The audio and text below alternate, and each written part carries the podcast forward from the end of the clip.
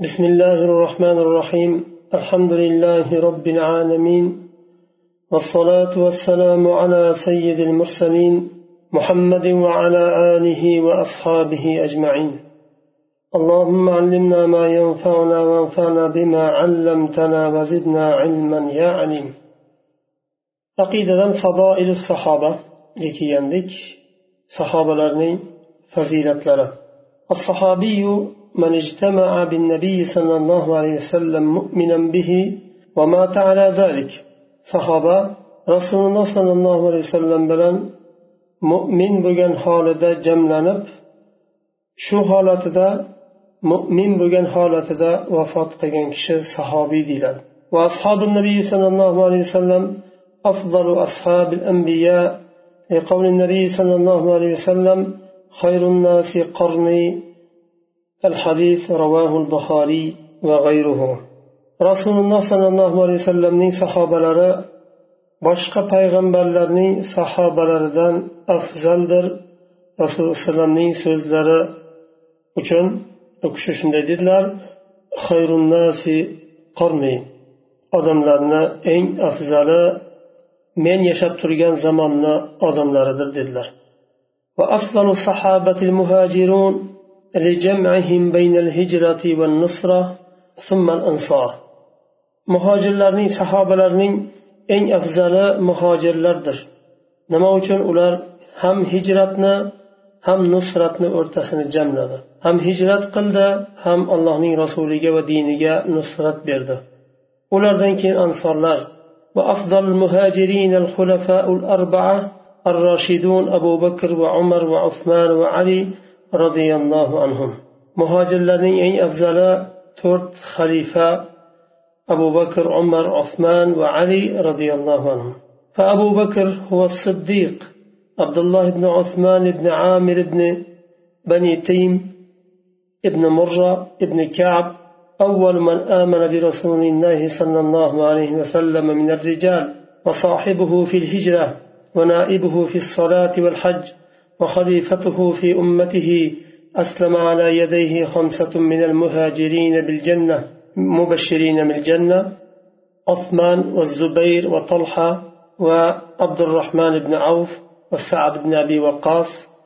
توفي في جماد الآخر آخرة سنة ثلاث عشر سنة عن ثلاثة وستين سنة. وهؤلاء الخمسة مع أبو بكر وعلي ابن أبي طالب والزبير بن حارثة وزيد بن حارثة هم الثمانية الذين سبقوا سبقوا الناس بالإسلام. قاله ابن إسحاق يعني من الذكور بعد الرسالة. أبو بكر رضي الله عنه أكش الصديق در. عبد الله ابن عثمان بن عامر بن بني تيم ابن مرة ابن كعب. أكشنا nasllari nasablari.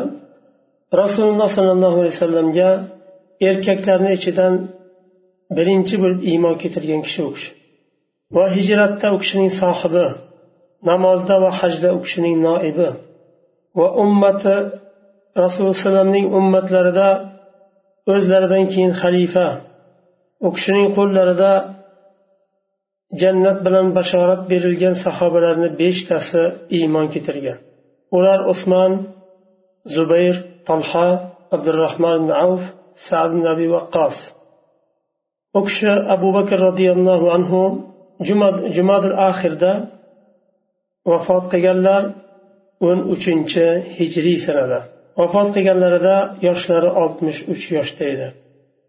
Mubashsharina bil jannadan beshtasi e, abu bakr roziyallohu anhuni qo'llarida iymon keltirgan sahobalar ulardan keyin ulardan boshqa yana abu bakr ali ibn abi tolib zayd harisa bular sakkiz kishi islomga sobiq bo'lgan boshqalardan ko'ra oldin kirgan sahobalardandir. Va umar va abu hafs al faruq ابن الخطاب عمر بن الخطاب من بني عدي بن كعب ابن لؤي أسلم في السنة السادسة من البعثة بعد نحو أربعين رجلا وإحدى عشرة امرأة ففرح المسلمون ففرح المسلمون به وظهر الإسلام الإسلام بمكة بعده.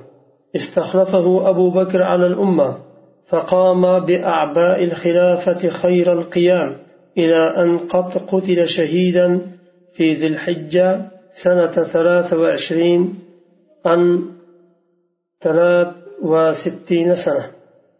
عمر رضي الله عنه. ikkinchi xalifa abu hafs kunyalari al foruq laqablari umar ibn xattob qaysi qabiladan banu adi qabilasidan u kishi. Ibn kab ibn luay. U kishi risolaning din yuborilgan yildan boshlansa oltinchi yilida islomni qabul qildilar. U kishi islomni qabul qilganlarida qirqta erkak va o'n bitta ayol bor edi. Islomni qabul qilganlar. Musulmonlar umar ibn hattobning islomi bilan xursand bo'ldilar sevindilar. Makkada islom zohir bo'ldi. Abu bakr roziyallohu anhu umar ibn hattobni o'zlaridan keyin ummatga xalifa qilib tayyorladilar tayinladilar. Umar ibn hattob roziyallohu anhu xalifalik og'irliklarini vazifalarini yelkalariga olarkan uni juda ham yaxshi yo'l bilan ado qildilar. Xalifalik og'irliklarini mas'uliyatini ado qildilar to shahid bo'lgan yillarigacha yigirma uchinchi hijriy sanagacha. U kishi ham vafot qilganlarida oltmish uch yoshda edi yoshlari. Va osman va huva abu abdullah zunnurayn osman ibn affan min bani umayyata ابن عبد شمس ابن عبد مناف. أسلم قبل دخول النبي صلى الله عليه وسلم دار الأرقم. كان غنيا سخيا تولى الخلافة بعد عمر بن الخطاب باتفاق أهل الشورى إلى أن قتل شهيدا في ذي الحجة سنة خمسة وثلاثين أم تسعين سنة على أحد الأقوال. عثمان بن عفان رضي الله عنه uchinchi xalifa. Kunyalari abu abdulloh laqablari zunnurayn ikki nur sohibi degani. Nima uchun zunnurayn deb nom e, laqab qo'yildi u kishiga? Chunki rasululloh sollallohu alayhi vasallamni ikkita qizlariga uylandi u kishi. Birinchisiga uylanganda bir muddat o'tgandan keyin u kishi vafot qiladilar. Rasululloh alayhi qizlari osmon ibn affonni oilalari. Rasululloh sollallohu alayhi vasallam usmon ibn affonga ikkinchi qizlarini beradilar banu umayya qavmidan kishi. Rasululloh sollallohu alayhi vasallam darul arqamga kirmasliklaridan oldin islomni qabul qiladilar. Osmon ibn affon roziyallohu anhu boy kishi edilar. Saxiy qo'llari ochiq edi. Umar ibn hattobdan keyin shuro ahlining ittifoqi bilan xalifalikka tayinlandi saylandilar u kishi ham zulhijja oyida o'ttiz beshinchi hijriy sananing zulhijja oyida shahid qilindilar vafot qilganlarida to'qson yoshda edilar bir qavlda وعلي وهو أبو الحسن علي بن أبي طالب واسم أبي طالب عبد مناف ابن عبد المطلب أول من أسلم من الغلمان. أعطاه رسول الله صلى الله عليه وسلم الراية يوم خيبر. ففتح الله على يديه وبويع بويع بالخلافة بعد قتل عثمان رضي الله عنهما. فكان هو الخليفة شرعا إلى أن قتل شهيدا في رمضان سنة أربعين أم ثلاث وستين سنة. ali roziyallohu anhu kunyalari abul hasan. Otlari ali ibn abi tolib abu tolibning o'g'illari ali. Abu tolib asos asl ismi abu tolib kunya ismi emas. Abu tolibning ismi abdumanof ibn abdul muttalib. Ali roziyallohu anhu yosh bolalardan birinchi bo'lib islomni qabul qilganlar qilganlardan birisidir rasululloh sollallohu alayhi vasallam haybar g'azotida bayroqni aliga berdilar. U kishining qo'llarida alloh taolo fathlar berdi va osmon roziyallohu anhuning vafotlaridan keyin xalifalikka saylandilar. Qirqinchi yilda shahid qilindilar o'shangacha xalifalikda turdilar.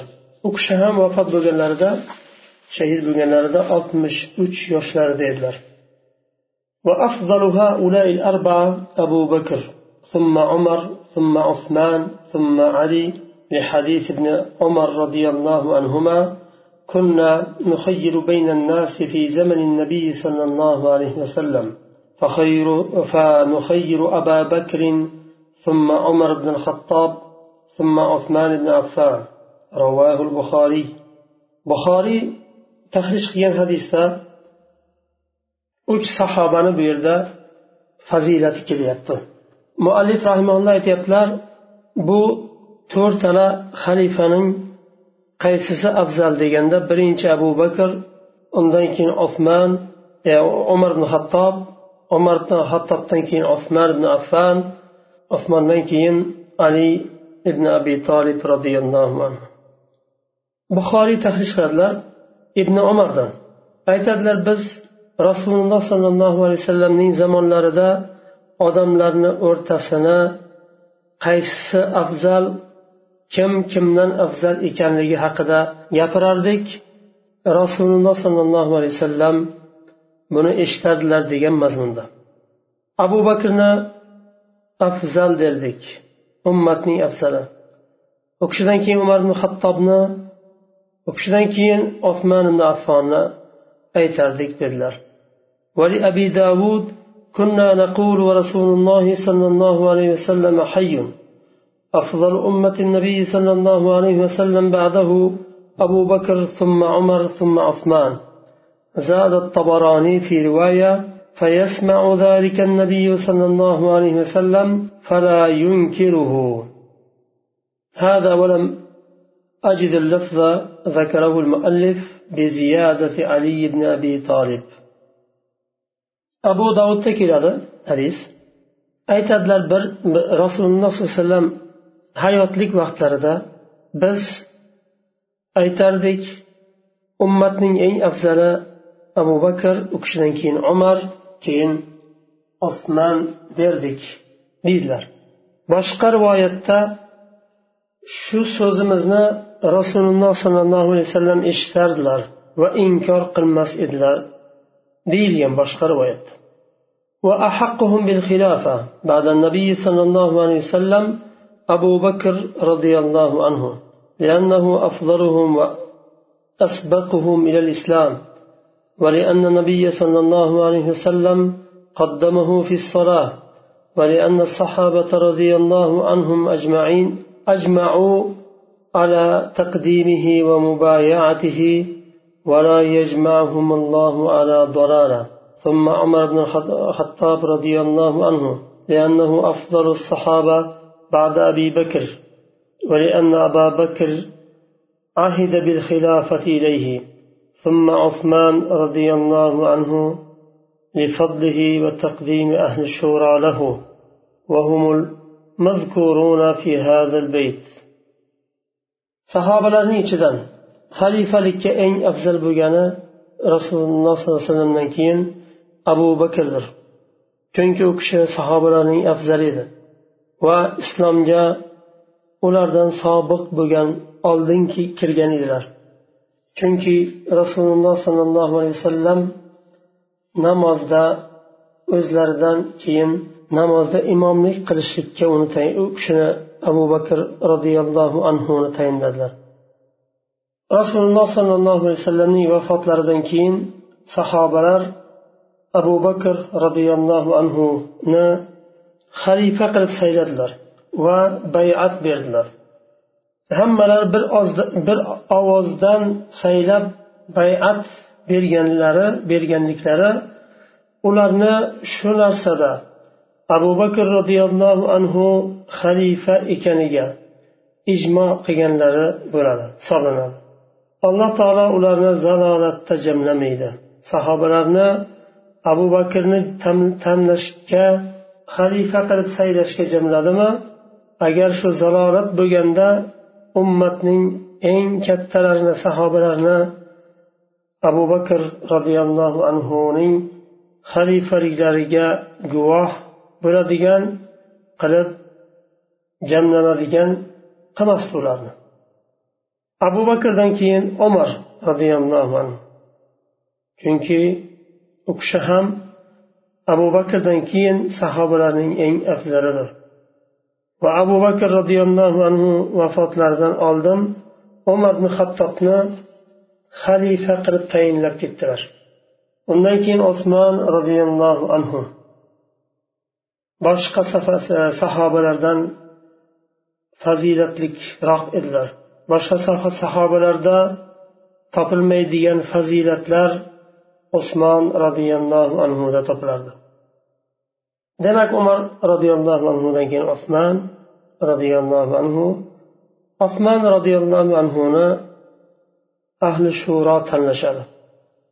Ahli shuro jannat bilan bashorat berilgan sahobalardir quyida bir bayt sifatida keltirgan علي وعثمان وسعد وطلحة زبير وذو وذو عوف رجال مشورة مشورة كشلار كم bu yerda sanalyapti ali osmon sad tolha زبير و آه، ذو عوف بولار عبد الرحمن عوف. مشفرة مشورة أه، أهل لرا إدرار مراز زرادو جن شير ده تختين شير ده دوام تامن شارك سبحانك اللهم وبحمدك أشهد أن لا إله إلا أنت أستغفرك وأتوب إليك.